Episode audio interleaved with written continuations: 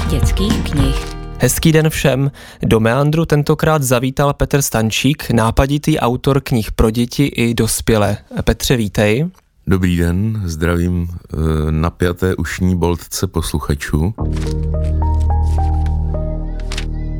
Dalo by se říct, že dnes už jenom píšeš, že jsi spisovatel na plný úvazek? Nazývá se to takto? Taky se tomu říká na, na volné noze. Ano.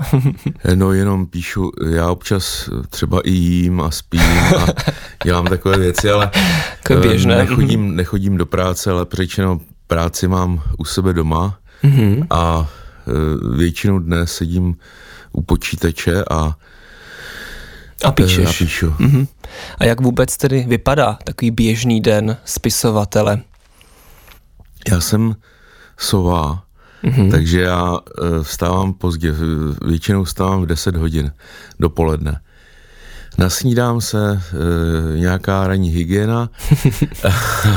to je fajn, ano. pak, e, pak si tady zapnu počítač, podívám se, co se děje ve světě a pokud e, mám náladu, já totiž e, se velmi těžko do něčeho nutím, mm-hmm. když mě něco nebaví, tak u toho většinou usnu, takže mě to musí bavit, tak když mám náladu, tak, tak začnu psát. A protože já nejezdím nikam na dovolenou jako k moři nebo tak, já jsem tedy vášnivý turista, takže jako rád eh, v létě jezdím na, na různé hrady a zámky a, a chodím po, po turistických stezkách, ale e, to jsem vlastně vůbec o tom nechtěl mluvit.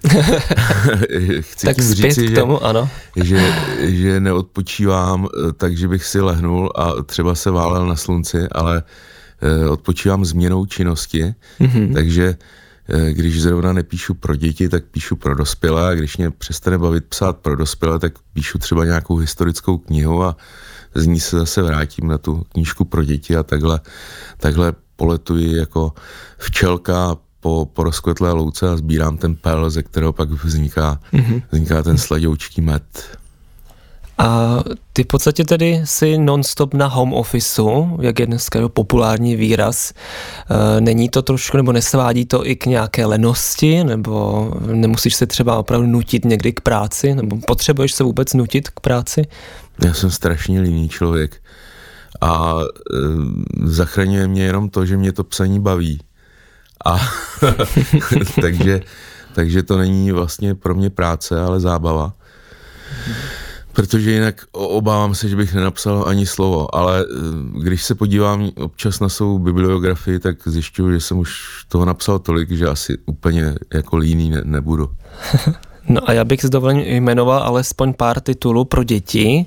H2O, Jezevec Chrujda, Mrkev ho vcucla podzem, Fíla, Žofie a Smaragdová deska, Odíře Strichtýře či Faustův dům a díra do stropu.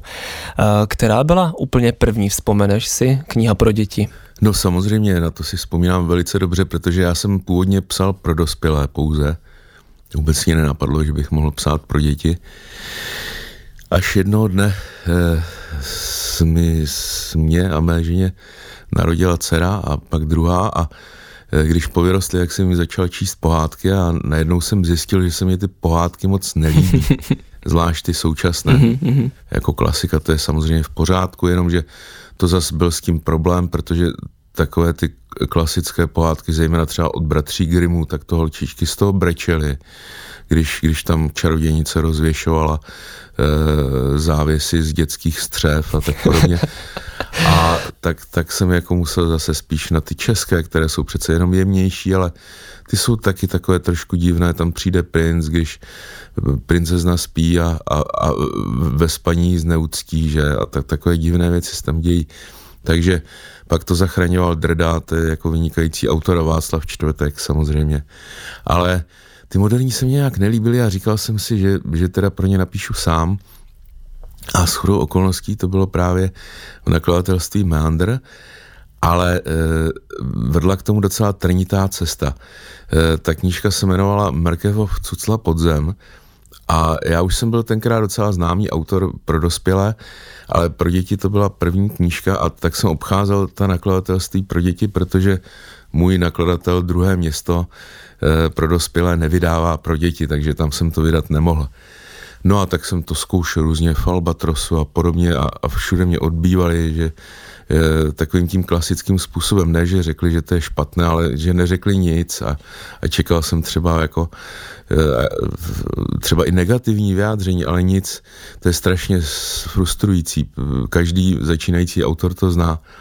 No a nakonec, nakonec jsem se bavil o tom e, s Ivanem Vernišem, což, což je můj kamarád, uh, uvedl mě vlastně do literatury a otiskoval mě ještě, když dělal redaktora v literárních novinách.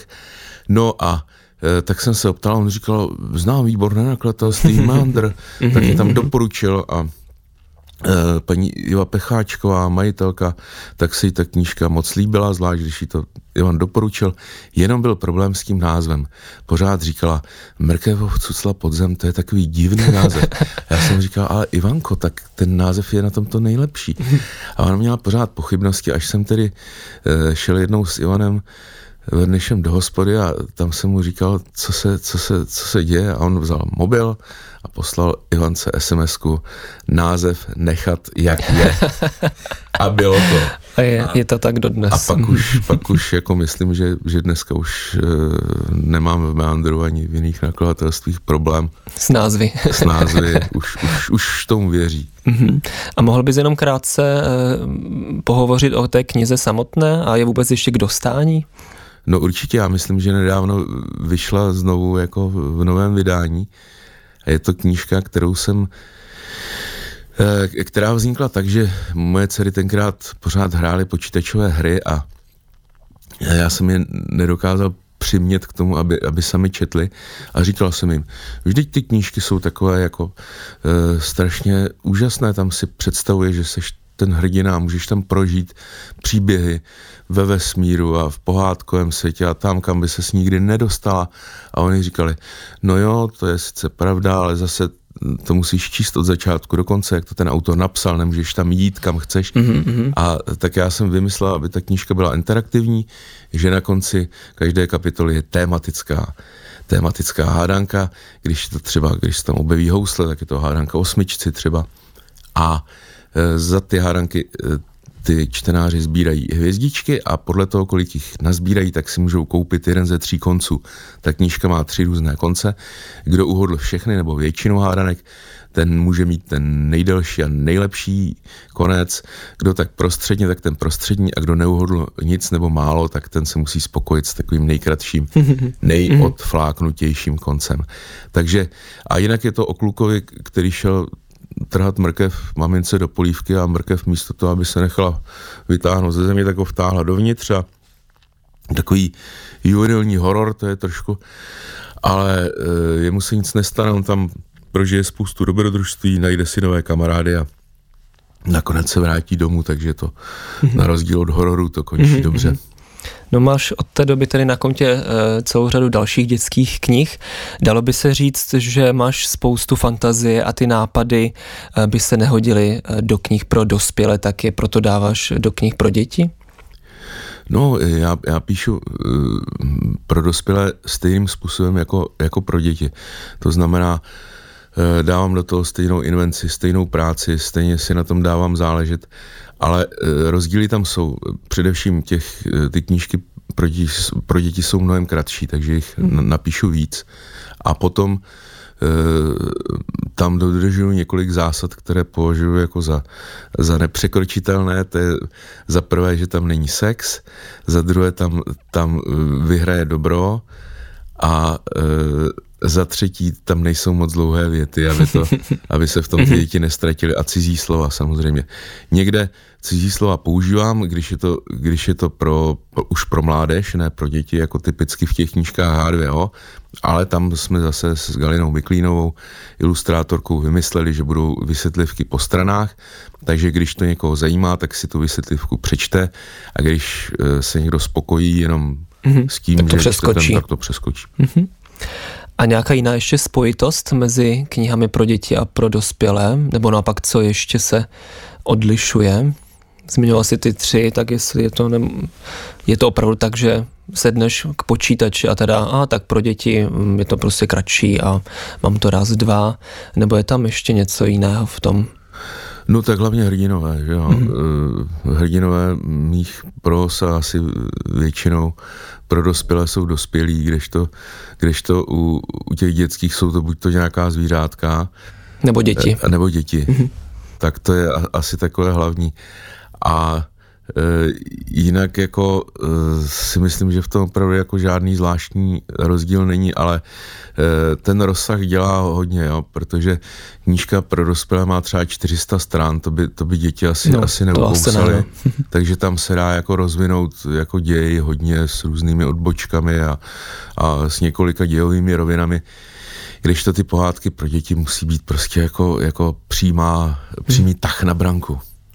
A nepřemýšlel jsi někdy o tom, eh, jak by vypadala třeba expedice H2O, kdyby šlo o román, že by se to obrátilo a ti hrdinové třeba by byli dospělí a šlo by o nějaký vědátorský nebo vědecký eh, dobrodružný román, jestli tě to třeba nenapadlo to takhle převést eh, jenom teoreticky.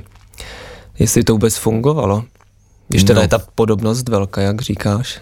Uh, uh, Nebo třeba Jezevec Chrujde, kdyby byl román pro dospělé. Kdo by to byl? Tak to mě nikdy nenapadlo.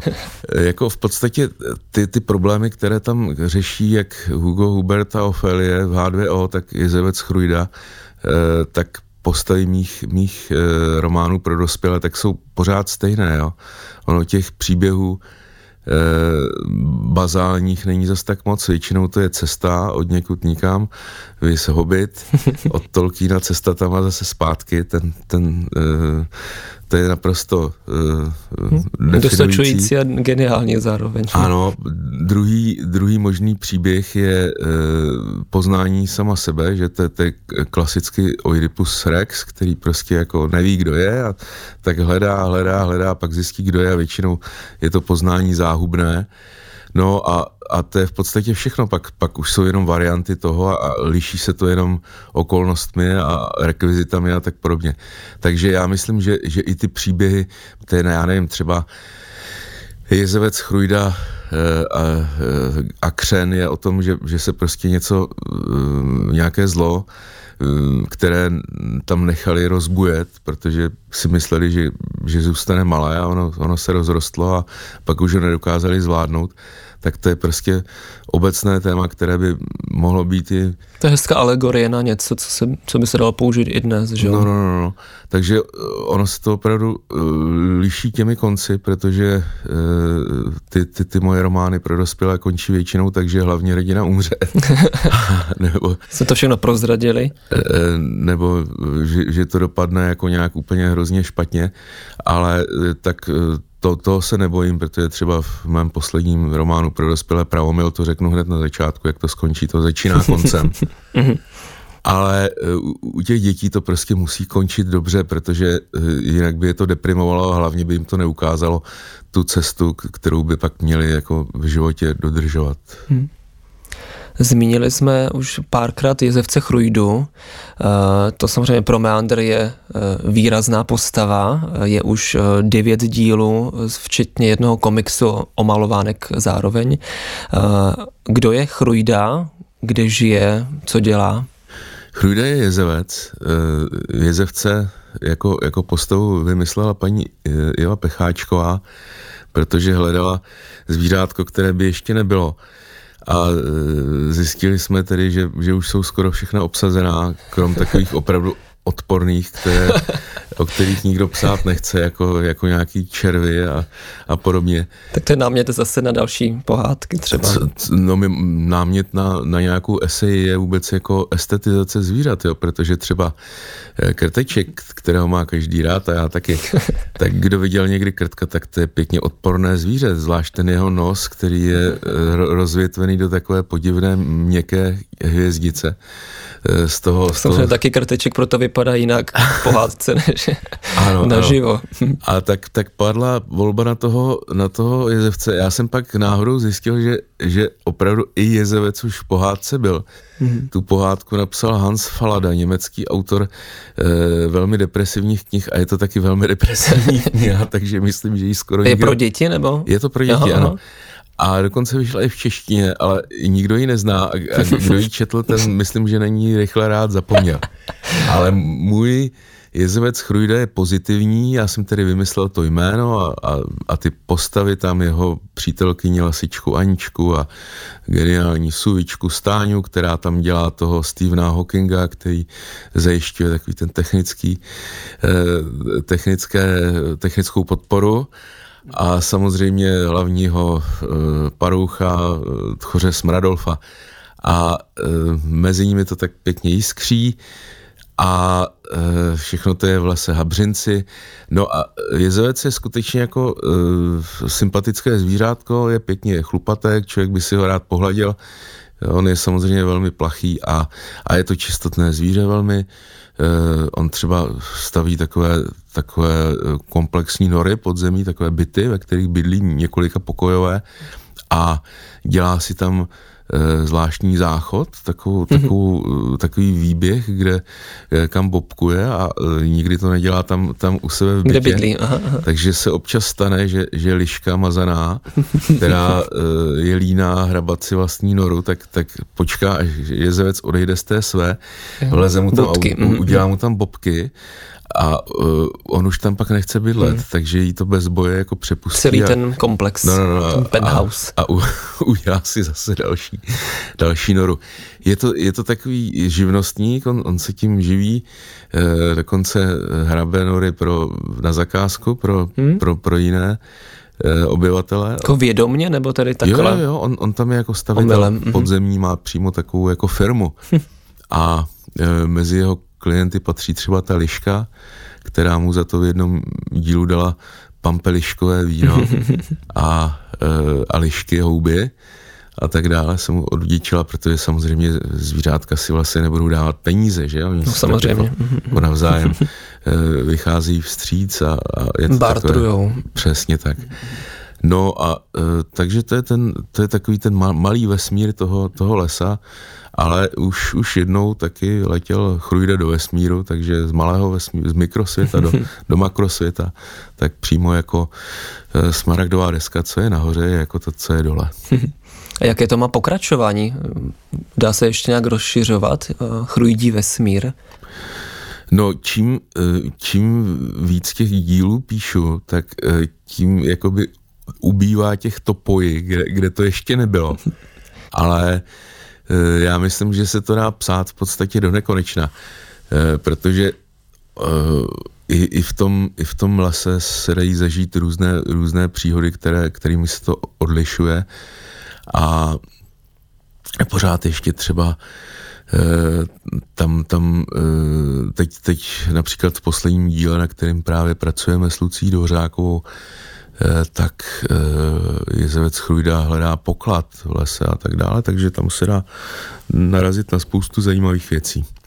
Já jsem si všiml, že máš docela rád dvojsmysly. Je to tak, nebo je to nějaká náhoda, nebo jsem si to jenom sugeroval? Zrovna třeba v Chrujdovi uh, si myslím, že zejména tedy dospělí čtenáři, když to čtou dětem, tak by v tom mohli poznat právě různé spojitosti s dospěláckým světem, tak jestli to je záměr, nebo tak to z tebe prostě leze.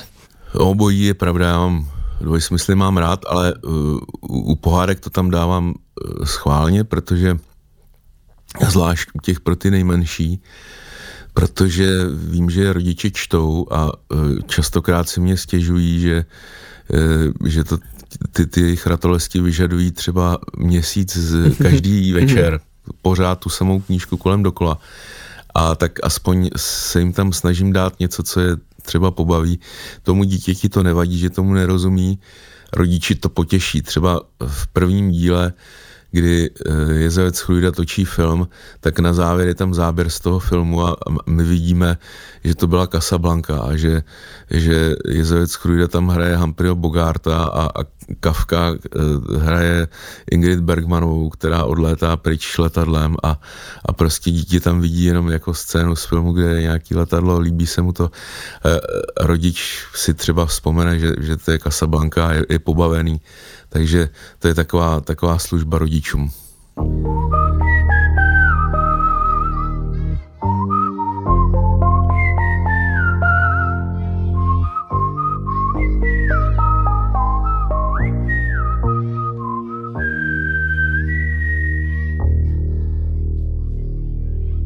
Říkal jsi na začátku, jak eh, vůbec si přišel k dětským knihám a to tak, že tedy se ti nelíbily uh, ty ostatní současné. Jak je to dneska? Uh, máš čas nebo občas prolistuješ nějakou jinou dětskou knihu, nějakého, dejme tomu, konkurenta, pokud se to tak dá nazvat, v literatuře, nebo už tomu nevěnuješ tolik pozornosti? Uh, už tomu nevěnuju tolik pozornosti, protože už, už to nikomu nečtu.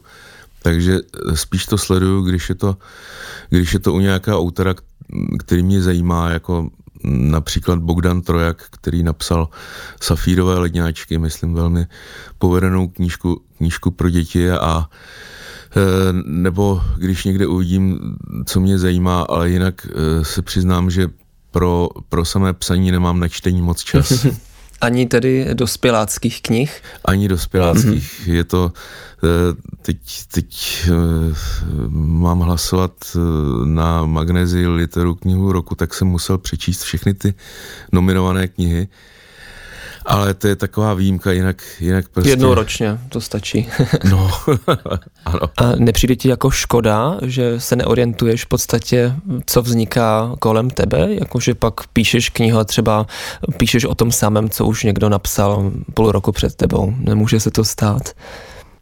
Je to velmi nepravděpodobné. A uh, kdyby měl, to by ale člověk musel číst všechno, co na světě vyjde, že jo, protože... No, aspoň třeba u nás v Česku, jestli hmm, minimálně no, já, to sledovat. Já myslím, mm, že mm, takové nápady, které napadají mě, jen tak někoho nenapadnou. to nemyslím, že bych se tím chlubil, je to prostě způsob myšlení, mhm, mhm. který, který je mi vlastní a myslím, že moje, moje čtenáři jako vědí, o čem mluvím. Ale uh, Jinak, jinak mě to docela mrzí, ale já se taky stávám takovým e, na stará kolena takovým konzervativcem. Já jsem, já jsem zjistil, že e, všechny velké knihy už byly napsány a že že pořád jako e, nikdo už nenapíše nic lepšího než třeba Dunu od Franka Herberta, můj, můj oblíbený román, nebo povídky Jorge Luiho Borgese, e, nedostižné nebo co bych tak ještě uvedl, Krakatit od Čapka a, a tak podobně. Nedávno jsem byl na nějaké besedě, kde, kde se tam e, jako nějací mladí autoři vyjadřovali, jako, že e, Čapek už, už je něco překonaného, ale že, že třeba ještě něco by se z toho dalo, dalo vydat i dneska. že si to jako... Je to má štěstí. Že, že si to přečetli a pak, pak, tam, pak tam jedna mladá autorka říkala, že, že taky, že to asi nikdo nebude znát, ale že, že teď četla knihu od, od nějakého Jana Weisse, který, která se jmenuje Dům u tisíci patrech a, a že to tak jako by, možná by se i dalo jako vydat i dneska. Mhm. tak to jsem se na to koukal jako blázen, ale asi, asi to patří k mládí tohleto. Já jsem mhm. zřejmě nebyl jiný, ale zdá se mi, že eh, vzhledem k tomu, že u nás je velmi těžké se uživit eh, jako spisovatel, dělá to jenom velmi málo lidí, většinou to mají jako jako koníčka k práci, tak, tak ta uh, kvalita není valná, protože já sám jsem mm, musel dojít vlastní zkušeností k tomu, že literatuře, aby, aby byla opravdu dobrá, tak se člověk musí věnovat naplno, že nemůže prostě dělat nic jiného. Hm. Takže bych všem mladým autorům přál, aby, aby se tím mohli uživit ne kvůli penězům, ne kvůli nějakým e, materiálním hodnotám, ale prostě, aby se tomu mohli věnovat. Aby to stálo za to potom. Jasně, protože e, literatura není jenom talent. Talent má spousta lidí, je to taky řemeslo a to, čemu říkají Němci Sitzfleisch, takové to vysedět to, mm-hmm. mít tu trpělivost. Mm. Ještě teda k tomu, že všechno dobré už bylo napsané, tak neříkali si to i lidi třeba před stolety. Eh, všechno, co mělo být vynalezeno, tak už eh, bylo. A podívej, kolik věcí ještě vzniklo za, za těch posledních sto let. Tak třeba ještě někdo něco dobrého napíše to věděli už ve starém Římě a možná ve starém Řecku, že, byla, že doba zlatá už je pryč a, a teď, teď je doba železná, jenomže po té době železné přišla ještě doba umělohmotná a, a v té my teď jsme. To opravdu nečekali. A kdo ví, co přijde ještě potom. Mm-hmm. Ale e, neřekl bych, že nás čeká ještě něco velkého. Hm. Možná nějaký velký průšvih civilizační. Myslím, že, že se k tomu řítíme velmi hm. intenzivně e, tím, jak plundrujeme naši rodnou planetu hm. a, a plítváme zdroje a, a e, žijeme si v takovém eh, Žijeme luxusu. tak, že zapomínáme, že je tady i zítřek třeba. Přesně tak, že žijeme si tak, že normální člověk se má lépe než králové ve středověku. To by Karel IV. koukal, že, že by si mohl dát třeba k snídaní hmm. banán. Přesně tak, nebo avokádový chlebíček. Někdo přivezl přes, přes půlku světa. Tak ale to jsme odbočili lehce, nicméně zpět eh, k dětské literatuře. Eh, může autor dopředu vědět, že jeho kniha se bude dětem líbit? Dá se to nějak odhadnout? Nebo jenom doufá? No úplně předem já tedy e, takovou křišťálovou kouli nemám. Hmm. Ale e, osvědčilo se mi zatím to, že když to člověk dělá naplno a tak nejlíp, jak to umí, e, takže to ty děti ocení. Ono se to asi nejvíc pozná uh, podle toho, že, že ty děti to čtou, až, až jednou ty knížky moje nikdo nebude číst, tak je asi nebude chtít ani nikdo vydávat a, a e, já budu mít konečně čas na to, abych se třeba e, naučil sbírat houby e, 20 druhů, jako uměl můj dědeček, nebo 40, co už uměl můj praděda. A já umím to se teda snižuje teda pět, po pět nebo šest. A mm. vždycky mě to moc mrzelo ale e, zatím to tak funguje, e, když prostě e, v, tom, v tom jsou děti ještě přísnější než dospělé. E, dospělí se dají oblafnout třeba recenzí v novinách, nebo tím, že ten autor je, je v módě, nebo tím, že, že třeba chtějí být in a, a prostě to patří k nějakému životnímu stylu. A děti, děti na tohle v tomhle tom nejedou. Ty to buď to zaujme, nebo ne. Eh, pak jako když jsou starší, tak pak už eh, existují nějaké takové jako eh, třeba taky módy dětské, jako, jako byl Harry Potter svého času a tak podobně, ale to je, to je už, už pro ty dospívající. Ty, ty malí jsou fakt jako přísný. Tam, když je nezaujmete, mm-hmm. tak oni... Tak prostě oni přes to vlak prostě, nejede. Přes to vlak nejede, ani, mm. ani vláček dětský. Ehm, musíme u dětských knih zmínit eh, ilustrátorky, nebo ilustrátory, ty už si dvě zmínil. Eh, dvě to je takové nejhlavnější, dalo by se říct, Galinu Miklínovou a eh, Lucí Dvořákovou. Ano. Je ještě někdo, kdo pro tebe takto aspoň jednou nebo víckrát ilustroval tvoje příběhy? Samozřejmě by se tak, takové, taková jména našla, ale tyhle, ty jsou, tyhle ty dvě dámy jsou skutečně hlavní. Eh, já si s nima velice dobře rozumím, jsme přátelé, kamarádi, známe se už dlouho, eh, víme, co chceme. Já ani jedné neříkám, eh, co, co má dělat a mm-hmm. vždycky, vždycky jsem u vytržení, když vidím ty obrázky, jednak jak jsou hezké a hlavně jak, jak, jak se trefili, jak se napojili na tu stejnou vlnu. A Lucie Dvořáková je pro ty menší, ta je taková víc do toho pohádkovat, ty zvířátka, rostomilí a tak a e, Galina je spíš pro ty větší, ta, ta e, se hodí už, už pro ty teenagery začínající hmm. a tak i v tomhle se perfektně doplňují. Takže si neumíš představit, že by všechny dětské knihy ilustroval jeden člověk. Asi by to ani nebylo ideální. Ne, tam by chyběla ta, ta pestrost. Mm-hmm. Takže to by vlastně osobně asi to líbí, máš z toho radost. Já, já že... z toho mám radost mm-hmm. neskutečnou. Mm-hmm. A jak to vzniká, taková spolupráce, nebo mm, respektive samotné obrázky? Ty jim pošleš hotový rukopis a zkrátka čekáš, s čím přijdou? Ano, přesně tak. A jenom když je tam něco výjimečného, tak, tak třeba připojím pár slov, dám příklad. S, s Galenou jsme udělali zatím poslední nebo nejnovější knihu v Meandru, to je ten Faustův dům. A je tam, je tam pověst z května 1945, kdy, kdy byl na Prahu americký nálet, takže já jsem, já jsem Galině eh, napsal, že si tam přeju, aby tam byl tento typ bom, bombardéru, protože to byly, eh, to byly tyhle ty konkrétní, myslím B12, teď si nejsem jistý. Mm-hmm. Eh, a Eh, ona mě tam opravdu jako udělala.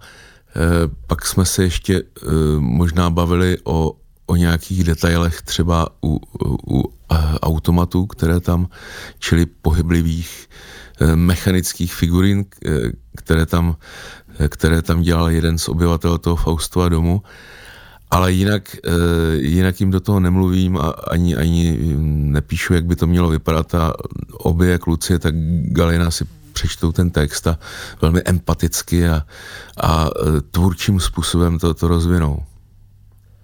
A tedy Faustův dům a díra do stropu, o jakých dalších obyvatelích ještě píšeš v této knize? Tak v tom, v tom e, skutečném Faustově domu jich bylo hrozně moc, kteří se různě zabývali okultními vědami a alchymí a tak podobně. Já jsem z toho vybral pět, které mě přišly nejzásadnější. Eh, první byla eh, kněžka pohanského chrámu eh, bohyně Morany, podle které se dodnes jmenuje ulice na Moráni. Potom, potom tam byl doktor Faust, který tedy je obyčejně spojovaný s německým prostředím, ale Eh, svůj dům má jenom tady v Praze, takže jsem, jsem si vymyslel, jak se sem dostal a, a co tam vlastně všechno dělal a proč taky díra ve stropě, což je mimochodem téma, které propojuje všech těch pět legend. E, jako další tam je, myslím, hrabě Mladota ze Solopisk, ne, pak, pak je Edward Kelly, e, slavný anglický alchymista a podvodník, který hmm. přijel do Rudolfinské Prahy s doktorem Johnem D., a jemuž ten e, dům prokazatelně patřil, ono, ono ho koupil, a tak jsem tam zase vymyslel legendu s Edwardem Kellym, protože ku podivu o něm žádná legenda není. Takže jsi si vymyslel a je to pak legenda, když si vymyslíš, tak... Takže každou legendu si musel někdo vymyslet, ne? To je protože, pravda, ano. uh, jinak by to nebyla legenda, ale uh, historická, historická skutečnost. skutečnost. No, fakt. Mm-hmm ale uh, legendy bývají uh, někdy anonymní a někdy taky ne. Mm-hmm, a takže tato je tvoje. Ty, to jsou, ty to jsou moje skutečně. Já jsem, já jsem prostě většinou, i když třeba o, o tom, o tom hraběti Mladotovi ze Solopisk, ta, ta legenda tam je, tak já jsem jim nějakým způsobem přetvořil. A když jsem si to vymyslel, tak jsem si to zase vymyslel tak, aby se to mohlo stát, protože uh, aby to bylo nějak v duchu té doby, protože jsem historik taky, tak to mě trošku pomáhá. Uh, historie, dělal jsem si kvůli tomu spoustu rešerší a výzkumu, byl jsem jako velmi odpovědný. No a, a po, po hraběti, uh, tak moment, uh, tam máme kněžku Fausta, to je, to je druhý, Kelly. Edward Kelly, hrabě Mladota a pak už je tam uh, jako poslední Obersturmbannführer SS von Stolz, kterého jsem si tedy vymyslel, což byl osobní čaroděj vůdce Rolfa Hitlera, který se tam snažil oživit pražského golema jako tajnou zbraň uh, nacistické třetí říše a nebudu prozrazovat, jak to dopadlo, ale myslím si, že tahle ta pověst je z toho nejzajímavější, i když třeba ne každý ne každý mladý čtenář ví, co to je svastika nebo, nebo tak, ale eh, já, když, když jsem byl v tomhle věku, eh, tak jsem, tak jsem, když jsem v knihách narazil na něco, čemu jsem nerozuměl, tak mě to právě podnítilo k tomu, abych se o to zajímal. Hmm. Takže si myslím, že... To je, myslím, správný přístup. Uh, Ale mi tato kniha není úplně pro nejmenší, že? Tak v tom věku, tak 6 plus, dejme tomu. No, to, to asi e, možná i víc, tak kolem devíti bych to viděl, mm-hmm. ale je to, je to hrozně individuální. S tím věkem oni to, já, já vím, že to chtějí hlavně knihkupci, aby se to psalo v knihách, protože chtějí vědět, když tam přijde paní Přesně, a řekne, doporučte mi knihu doporučte pro čtyřletého. Přesně tak. A, ale on ten rozptyl je hrozně velký, záleží na tom, jak je to dítě chytré, jak, jak je jak moc třeba čte, jak moc čte, přesně mm-hmm. tak, jak, jak se mu věnují rodiče, jak, jak, jak to s ním. Já si pamatuju, že když, když jsem byl malý, tak dávali zrovna eh, v televizi seriál podle Honoré de Balzaka Lesk a bída kurtizán a já jsem se pořád nemohl nikde zjistit, co to byly ty kurtizány. Až jsem zašel, nikdo mě to nechtěl říct, to byla ještě taková doba, že se lidi styděli za to a e, šel jsem za dědečkem a e, ptal jsem se ho, co to byly kurtizány a on mi říkal, tady máš slovník a najdi si to tam. Dal mi slovník cizích slov, čímž jsem se tam naučil hledat. To bylo výborné, to mi pak hodně pomáhalo. V tomhle konkrétním mě to moc nepomohlo, protože jsem se tam dočetl, že kurtizána je nevěstka a to jsem nevěděl, co, co, ani co to je kurtizána, ani co to je nevěstka, to už tam nebylo vysvětleno, ale pak jsem se to dověděl po letech. tak to tedy byla kniha Faustův dům a díra do stropu, kterou ilustrovala Galina Miklínová a která je jak pro šestileté, tak i pro starší děti a dospělé. Vyšla v Meandru a na závěr bych se tě zeptal na tvůj osobní tip na jinou knihu nebo knihy z Meandru, co rád tedy aktuálně víme, že nečteš, ale to třeba něco staršího, co, co tě zaujalo, nebo věřím, že právě Iva Pecháčková ti ti dává knížky z Meandru, takže máš přehled minimálně u nás, co vychází.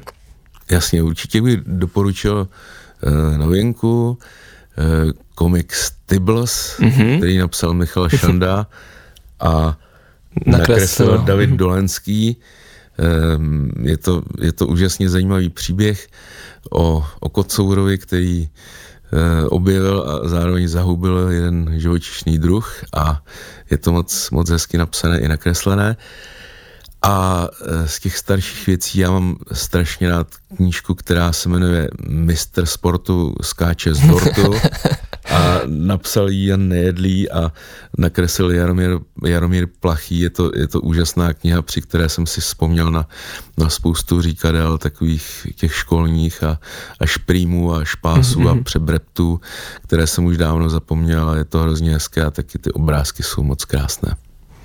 Tak já ti moc děkuji, Petře, a díky za tvůj čas a přeji hodně štěstí s dalšími příběhy. Měj se hezky. Děkuji za pozvání a zdravím všechny posluchače. Naschledanou. Meandry dětské literatury. Podcast nakladatelství Meandr. Sledujte nás na Facebooku a Instagramu.